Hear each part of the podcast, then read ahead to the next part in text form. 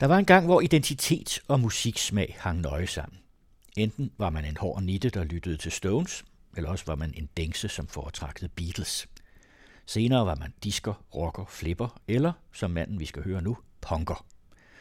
Manden hedder Søren Ulrik Thomsen, og han fortæller i sit essay, så klog at man kan undvære ørerne, hvordan han modvilligt måtte overgive sig til den gode musik på bekostning af sin dyrebare punk-identitet. Essayet har vi bragt før her på den anden radio, men nu har Søren E. Jensen og Jytte Nordholt lavet et remix og monteret Søren Ulrik Thomsens oplæsning med musik i alskens stilarter.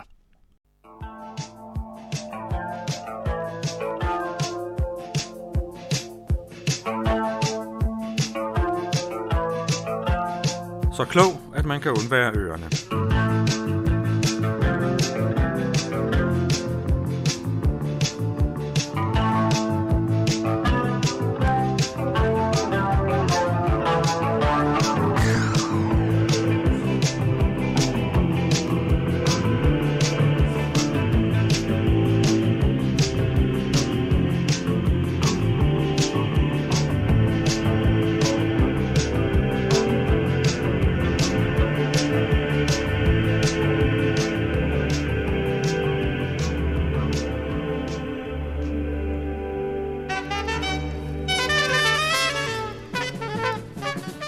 Det er et stort kulturelt fremskridt, at folk i dag til synladende fuldkommen fordomsfrit lytter til al slags musik.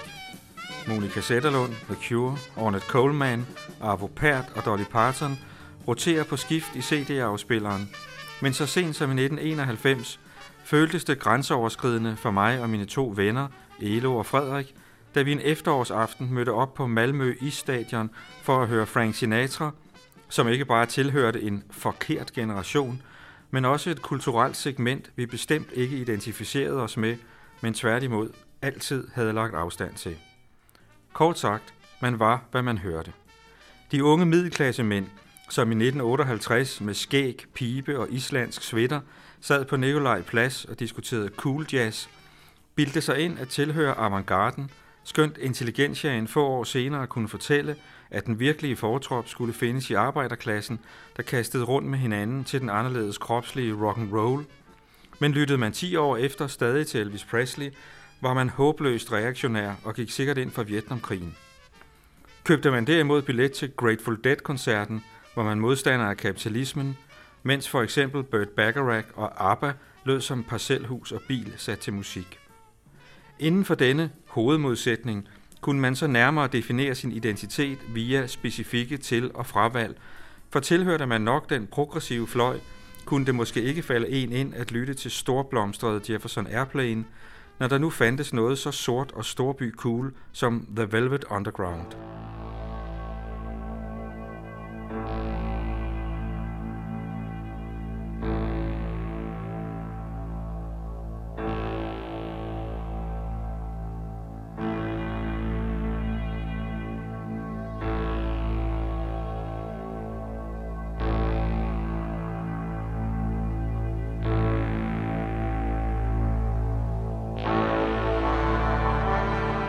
Denne tætte sammenhæng mellem identitet og musiksmag skyldes naturligvis, at efterkrigstidens serier af musikalske nybrud var båret frem af unge mennesker, og at usikre unge mennesker med lys og lygte leder efter markører, der kan fortælle dem selv og omverdenen, hvem de er. Hvor var det dog vigtigt for mig, at den David Bowie-poster, jeg på mit klubværelse havde sat op på væggen ved siden af plakaten for Andy Warhols film Flesh var gennemført smagløst og skamløst selv i scenesat, for dermed signalerede jeg min afstand til den foregående generations naturlighedsdyrkelse og mit tilhørsforhold til punk- og poesimiljøets dekadente kunstighedskult. Ligesom samme Bowie i sine unge dage sørgede for at sidde med et værk af Nietzsche, når han kørte med undergrundstoget i London. Ikke, som han senere med et glimt i øjet har fortalt, fordi han rent faktisk læste Nietzsche men fordi han godt kunne lide ideen om, at han var en person, der læste Nietzsche.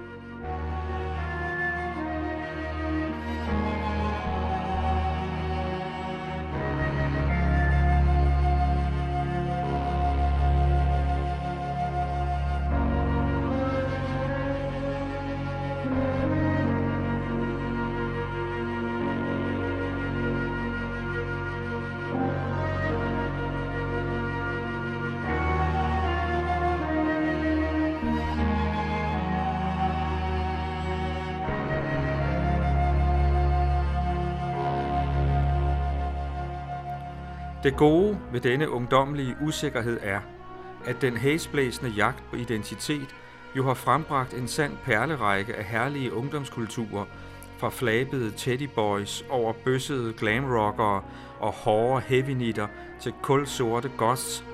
Hver kultur komplet med unik musik, tøjstil og tekstunivers. Ligesom der heller ingen tvivl er om, at disse stammedannelser i teenage-tidens sensible overgangsperiode har været redningen for mange unge, som med støtte i klikkens stærke gruppejeg har kunnet kompensere for sønderbrudte familier og personlig udsathed. Og det virker altid rørende på mig, når jeg på gaden ser for eksempel en stor tyk dreng, som med sort slængkappe, blåt hår og fuld gotisk krigsmaling kan pynte og føre sig med en egen skrøbelig værdighed, på trods af at han med sin fedme langt fra passer ind i high school-idealet.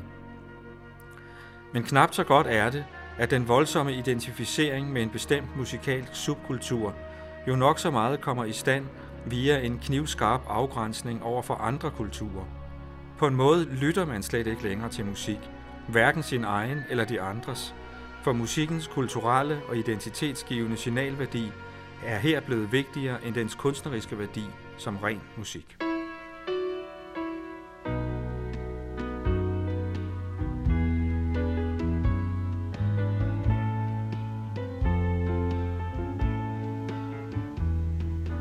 night and you and blue Hawaii. På trods af, at min egen identitet i den grad var hængt op på, at jeg med min læderjakke og Lou Reed solbriller var ikke så lidt af en postmoderne hipster, der hørte kraftværk, Nico og Iggy Pop, mens jeg læste symbolistisk poesi og situationistisk internationale, trængte en højst ukorrekt musik sig en dag midt i 70'erne ved et tilfælde sig igennem alle kulturelle spamfiltre. På sjov havde min veninde Cecilia nemlig medbragt Elvis-pladerne Rostabout og Blue Hawaii, hvis kulørte, naivt poppede covers vi gjorde grundigt nar af, inden vi satte pladerne med den slikkede flødebolle på min plastikgrammofon med højtaler i låget. Og mens han sang, fortonede alle fordomme om smagløshed og kommercialisme sig lige så langsomt, for mandens stemme var så vidunderligt smuk, at jeg i et øjebliks fortabelse glemte mig selv og simpelthen bare hørte musikken som musik, før jeg aflæste den som et stykke kultur and mine could all come true. This magic.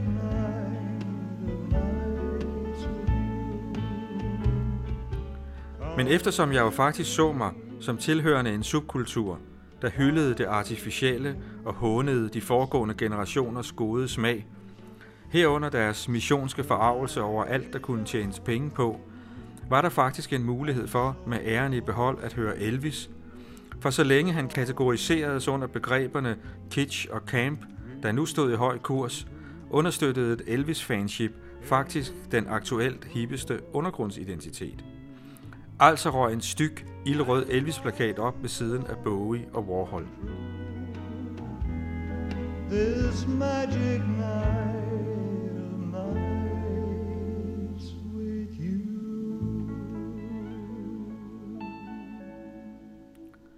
Et par år senere, nemlig i 1978, da jeg var debuteret som poet i Vedekorn, og punkbølgen for alvor rullede sig i møjet, blinkede min modkulturelle identitet som et neonrør i mørket, og derfor var det intet mindre end en katastrofe for min selvforståelse, da jeg sammen med et par venner på en rejse til Paris så The Last Waltz, Martin Scorseses nye film om The Bands afskedskoncert, og blev væltet helt bagover af Van Morrison.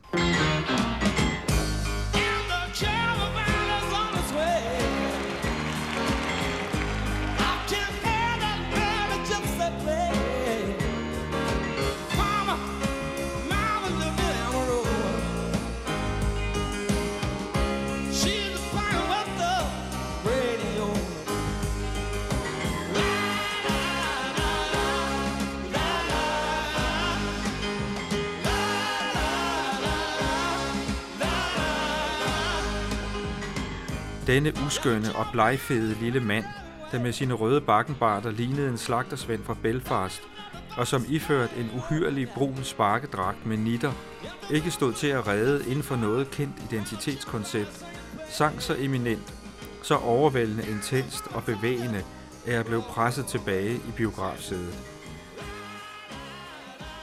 Hjemme i København anskaffede jeg Morrisons netop udsendte Wavelength, som jeg året efter supplerede med Into the Music, og nu begyndte en musikalsk opdagelsesrejse, der skridt for skridt og i al stilhed betød en skilsmisse mellem min personlige identitet og mine musikalske interesser, i det jeg gennemløb en udvikling, hvor der ikke længere var et entydigt sammenfald mellem den jeg var og den musik jeg hørte. Eftersom denne musik udmærket kunne tale til mig rent æstetisk, selvom den kulturelt lå mig fjernt. Morrisons inddragelse af et hav af stilarter understregede, at det ikke er genrenes snævre kulturelle bindinger, der betyder noget, men først og fremmest musikken. Og for mig kom han til at bane vejen fra rock til soul, folk, gospel, blues, jazz, country og det meget bredt definerede område omkring big bands, evergreens og entertainment. Nu havde jeg fået fat i en ende, hvor den store stemme for alvor fangede mig. Kunstnere, der havde noget at udtrykke, og dertil fra naturens hånd og i kraft af deres teknik virkelig kunne synge, hvad der i rockmusik faktisk altid har været anset for sekundært i forhold til talentet for frasering. Ray Charles, Patty Klein, Muddy Waters, Sam Cooke, Aretha Franklin, Nina Simone, Janet Baker, Paul Rogers, Elvis Presley, Sarah Vaughan, Ella Fitzgerald og Frank Sinatra.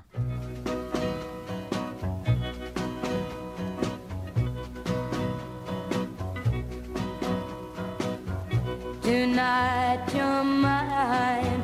Come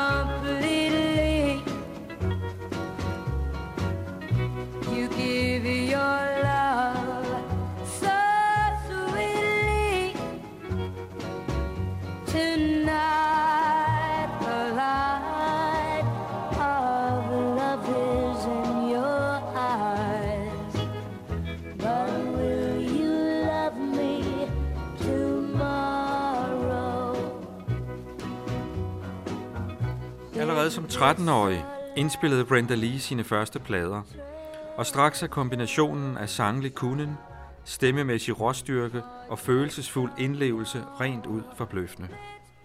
På pigebarnets orkan af en stemme radikaliseres Elvis Presleys karakteristiske måde at hakke sætningerne op på, så selv de enkelte ord brydes op i en maskingeværsalve af fonemer.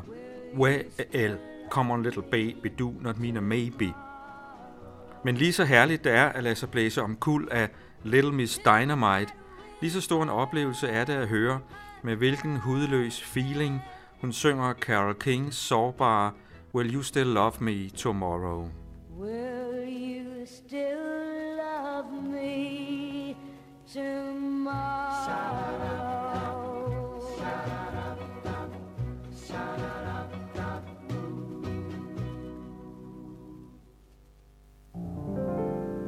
The stars at bazaars, often I've had to caress men.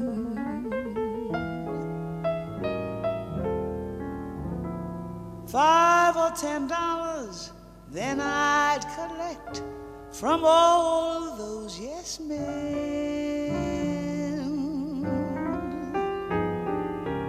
Don't be sad, I must add that they meant no more than chessmen.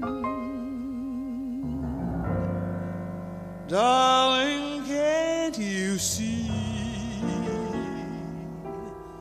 Twas for charity.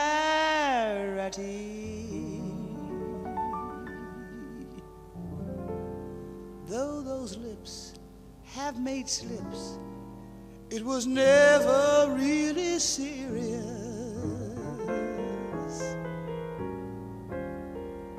Who'd have thought I'd be brought to a state that's so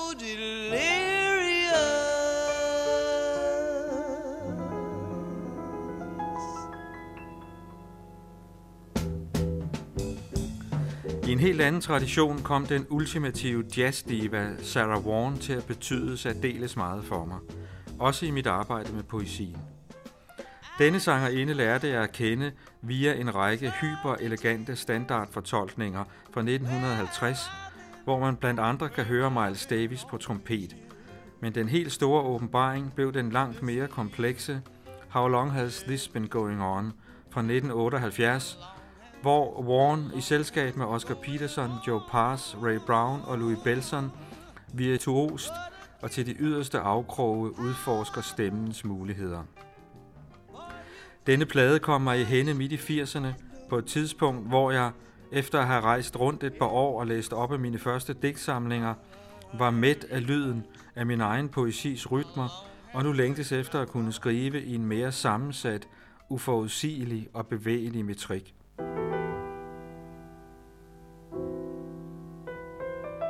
Og her kom især nummeret med den passende titel More Than You Know mig til hjælp.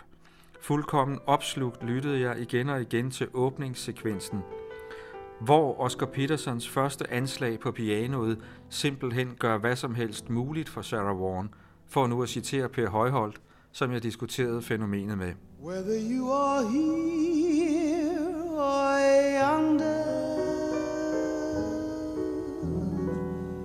whether you are false or true,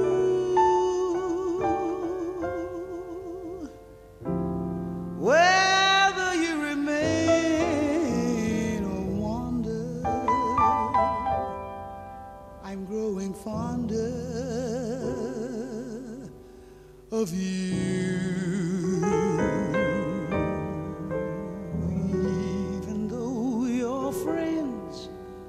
Forsake you, even though you don't succeed,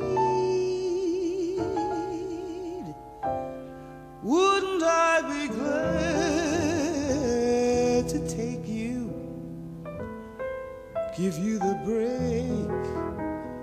you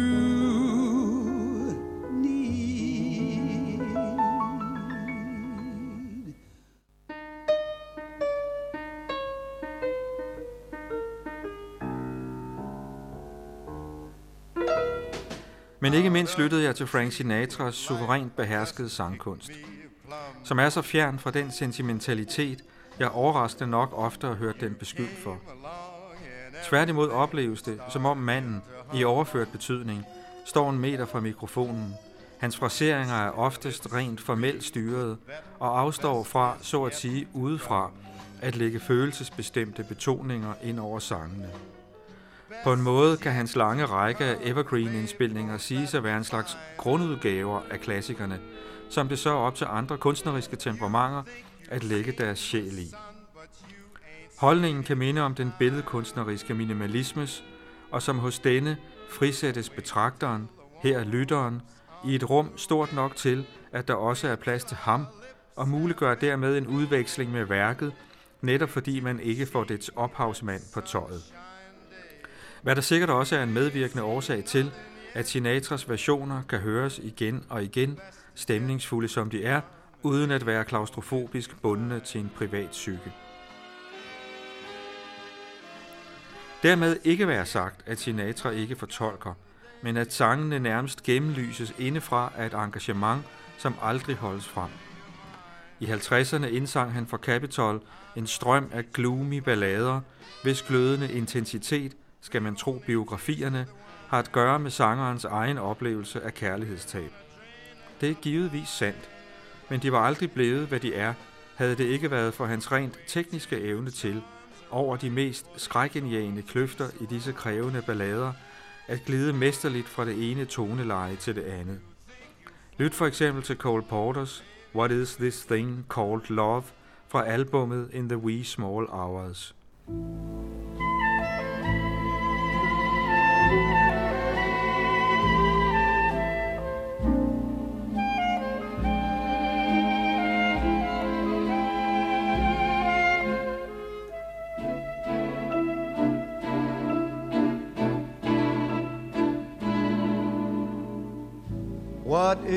this thing called love.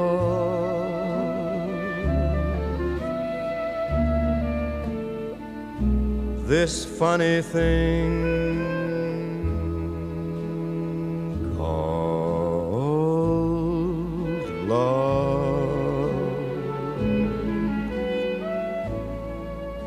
Just who can solve its mystery?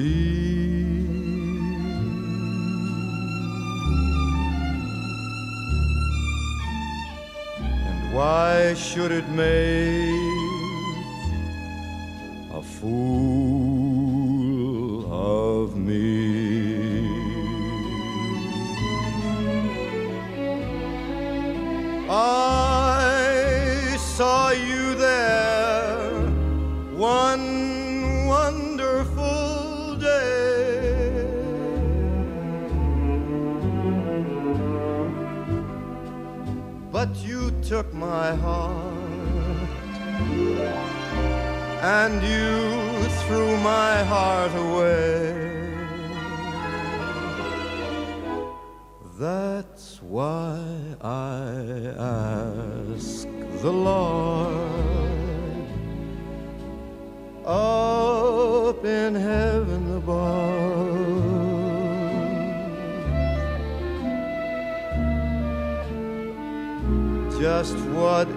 this thing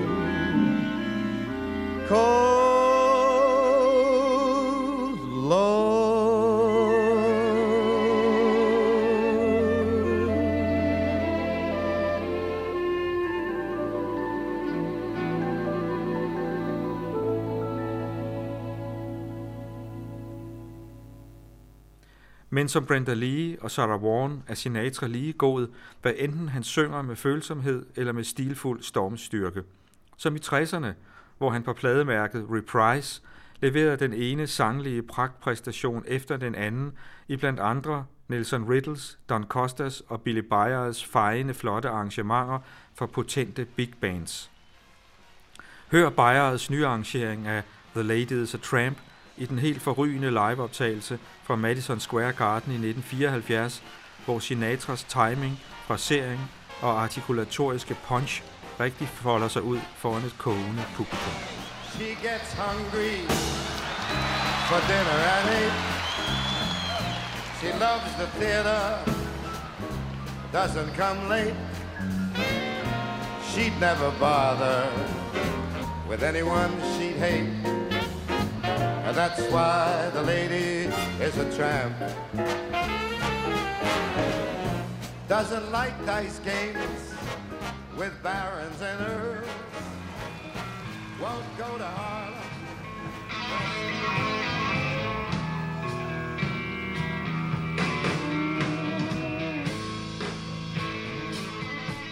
Samtidig med, at jeg med mine Happy New Ears, som John Cage kalder det, nu stillede ind på de store stemmer uanset genre, dyrkede jeg stadig med stor appetit den musik, der svarede til min alder, min klan og mit selvbillede, nemlig for uden før omtalte Bowie, Lou Reed og Iggy Pop, folk som englænderne Elvis Costello og Graham Parker, samt New Yorkerne Blondie og Ramones, Patti Smith og Television, hvor sidstnævnte sublime guitarduo Verlaine og Lloyd spillede så klirrende skønt, at det stadig ringer for mine ører. Og desuden var jeg forfalden til det skabagtige gamle glamband T-Rex, der selvom de ikke var så slammede som Slade, heller ikke var så fine som Bowie, men som jeg den dag i dag synes leverede den sjofleste boogie, Get It On. Oftere og oftere blev jeg dog skuffet, når jeg efter at have læst en begejstret anmeldelse, anskaffede mig en ny rockplade, og langsomt gik det op for mig, at de musikalske kriterier langt fra var enerådende, når rockmusik skulle bedømmes. Jeg ofte trådte helt i baggrunden til fordel for kritikernes aflæsning af litterære, ideologiske og identitetsmæssige aspekter af den pågældende gruppe eller solist samlede fremtræden som myte, image og gesamtkunstværk, hvor i påklædning, personlig livsførelse, attitude og positionering i forhold til det øvrige kulturelle landskab var nok så vigtig som selve musikken. Som jeg er inde på i mit essay Massebevægelse under minustegnet fra kritik af den negative opbyggelighed, kunne man i dette univers lige frem komme ud for, at fremragende musik dømtes ude, fordi kunstnerne faldt igennem på de identitetspolitiske parametre, mens uinteressant eller decideret talentløs musik hyldedes hysterisk, fordi musikerne forstod at surmule på en særlig sexet avantgardistisk vis, som netop dette efterår hittede på CBGB i New York, og inden jul var nået frem til Café Floss i Lars Bjørnstræde. Alt dette er der for så vidt intet galt i, eftersom der samtidig med den egentlige musik jo sagtens kan trives en kunstform, hvis værker snarere end som musikmusik skal forstås som æstetiske crossover-fænomener, hvor i det musikalske kun er en enkelt komponent. Men man skal gøre sig klart, at har kritikken af jazz og klassisk i langt højere grad udviklet et egentligt metasprog for musik, er anmeldelser af rock først og fremmest en litterær kritik, så sandt musikken altid anskues som underordnet og indskrevet i en større fortælling, hvad der også afspejles i rockkulturens trættende mytomani og besættelse af de latterligt mange levende legender.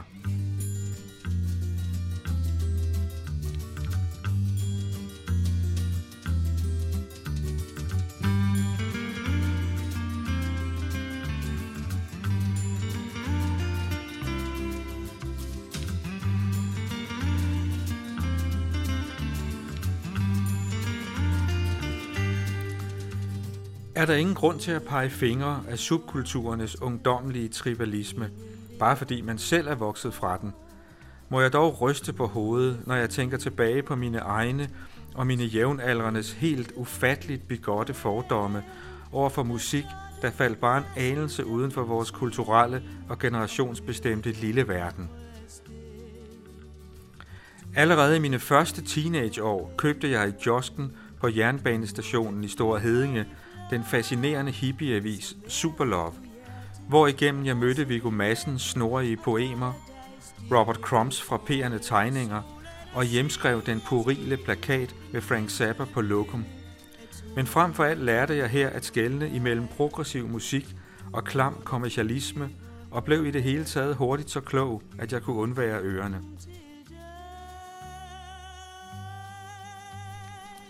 Når jeg i dag hører Grete Ingman synge for eksempel Nattens sidste cigaret, Duerne flyver eller Sommervind, henrives jeg fuldstændig af hendes mørke, støvede, sexede stemme, og jeg må give Claus Løngaard ret i, at hun skal nok betragtes som en af vores helt store sangerinder. Efter mit skøn i klasse med folk som Anisette og Cecilie Nordby. Men da hun levede, gad jeg ikke at lytte til hende – for jeg opfattede hende både som tilhørende en forkert generation, hun lignede jo min mor, og som ikke progressiv, eftersom hun optrådte i kiksede gabardinbukser og i de helt forkerte fjernsynsprogrammer. Ja, bare navnet Grete.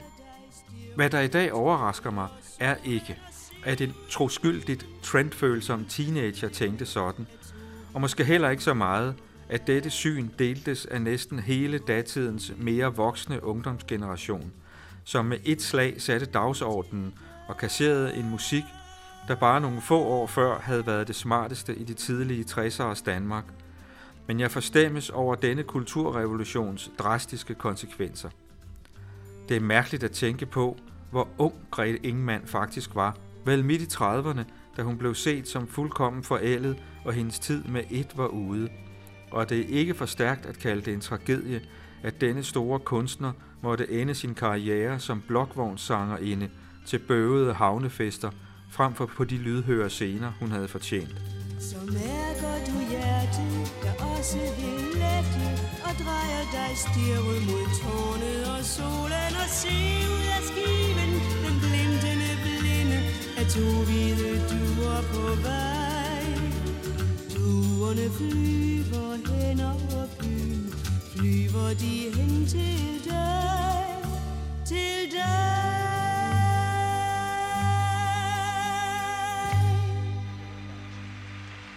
Thank you. We're a good audience. Thank you. Jim rolling.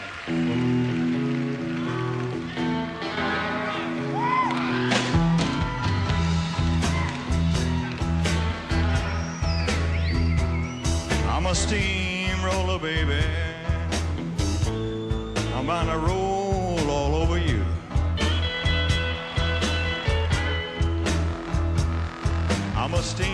Steamroller, baby. Gonna roll all over you. I'm gonna inject your soul with some sweet rock and roll and shoot you full of rhythm and blues. I'm a napalm bomb, guaranteed to blow your mind.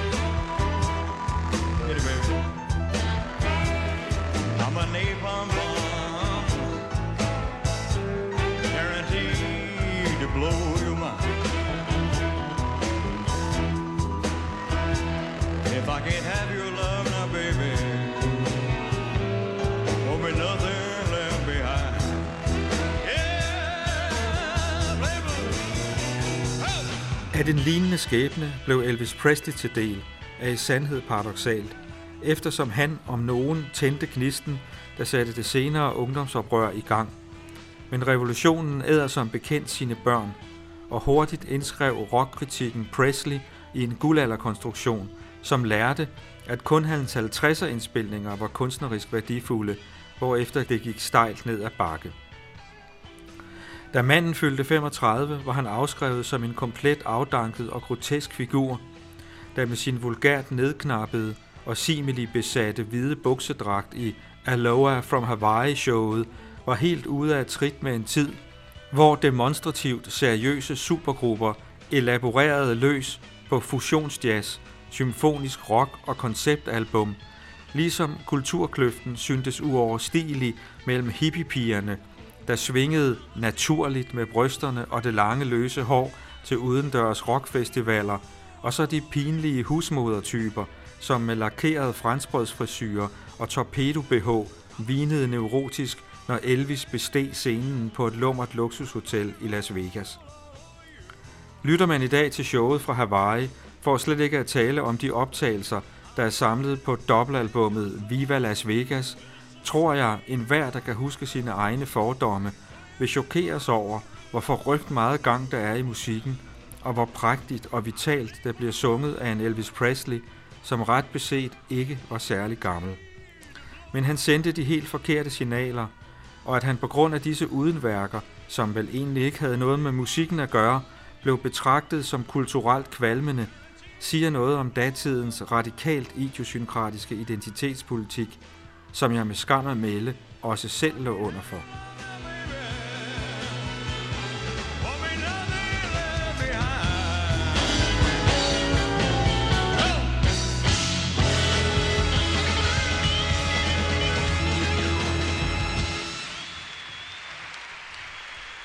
Men for det første er det jo let nok at føle sig højt hævet over fronterne i en 40 år gammel kulturkamp, hvor der ikke længere er nogen social gevinst ved at holde med de rigtige. Og for det andet er spørgsmålet, om der overhovedet findes noget, som hedder ren musik, og om kunst ikke altid vil være kulturelt kodet. Ja, nu hvor disse markeringer ikke længere har nogen betydning, er det selvfølgelig ganske gratis at påpege, at Tom Jones var en lige så stor kunstner som Grace Slick. Men når jeg her har undersøgt et stykke fortid, er det i håbet om at kunne uddrage en morale til nutidig brug. Nemlig, at man stillet over for et kunstværk altid bør bestræbe sig på at se ud over dets kontekst og forsøge at sanse værket som kunst i samme bevægelse, man aflæser det som kultur. Det er lettere sagt end gjort, fordi disse niveauer naturligvis er intrikat sammenfiltrede. Men er det på den ene side naivt at hævde en kulturelt og socialt fuldkommen, ubesmittet, ren musik, billedkunst eller litteratur, viser de erfaringer, jeg her har forsøgt at gøre rede for, at det på den anden side er lige så forkert at afvise tanken om en iboende kunstnerisk værdi ved at reducere kvalitetsbegrebet til en helt igennem relativ størrelse, fuldstændig afhængig af skiftende værkeksterne omstændigheder, som for eksempel samfundsforhold, modeluner og magtrelationer. Hvis ikke en i værket indeholdt kunstnerisk værdi kunne overtrumfe dets kontekstuelle, Hvordan skulle jeg så nogensinde kunne læse og værdsætte et 500 år gammelt persisk digt, eller for den sags skyld overgive mig til Van Morrisons sang på et tidspunkt, hvor bare det at lytte til dette bedagede blomsterbarn var en trussel mod min dyrebare identitet som punkpoet. Jeg opfordrer ikke til, at man uden videre skal acceptere og æde produkter af kulturer eller subkulturer, der byder en imod, men til, stillet over for det konkrete værk, altid forsøgsvis at adskille kunst og kultur. Naturligvis er denne øvelse lettest over for fortiden, hvis slagere efter en vis karantænetid stort set altid tilgives. Men manøvren kommer på en hård prøve, når den skal udføres nu og her. Og guderne skal der vide, at det slider ganske gevaldigt på mine nerver, min tålmodighed og mit frisind, når jeg sidder på en barstol, og højtalerne pludselig ryster til lyden af en aggressiv rapper, som hen over en enerverende monoton rytme nedgør alt og alle, alt imens han blærer sig med sin stil, sin gun og sin kæmpe pik. Og når jeg så samtidig for mit indre blik ser geniets afskyelige piercinger, guldkæder og tatoveringer, samt hans omtogede publikum, er det nu, jeg skal civilisere mig ved at sætte både hans og min egen kultur i parentes og simpelthen prøve at lytte til musikken.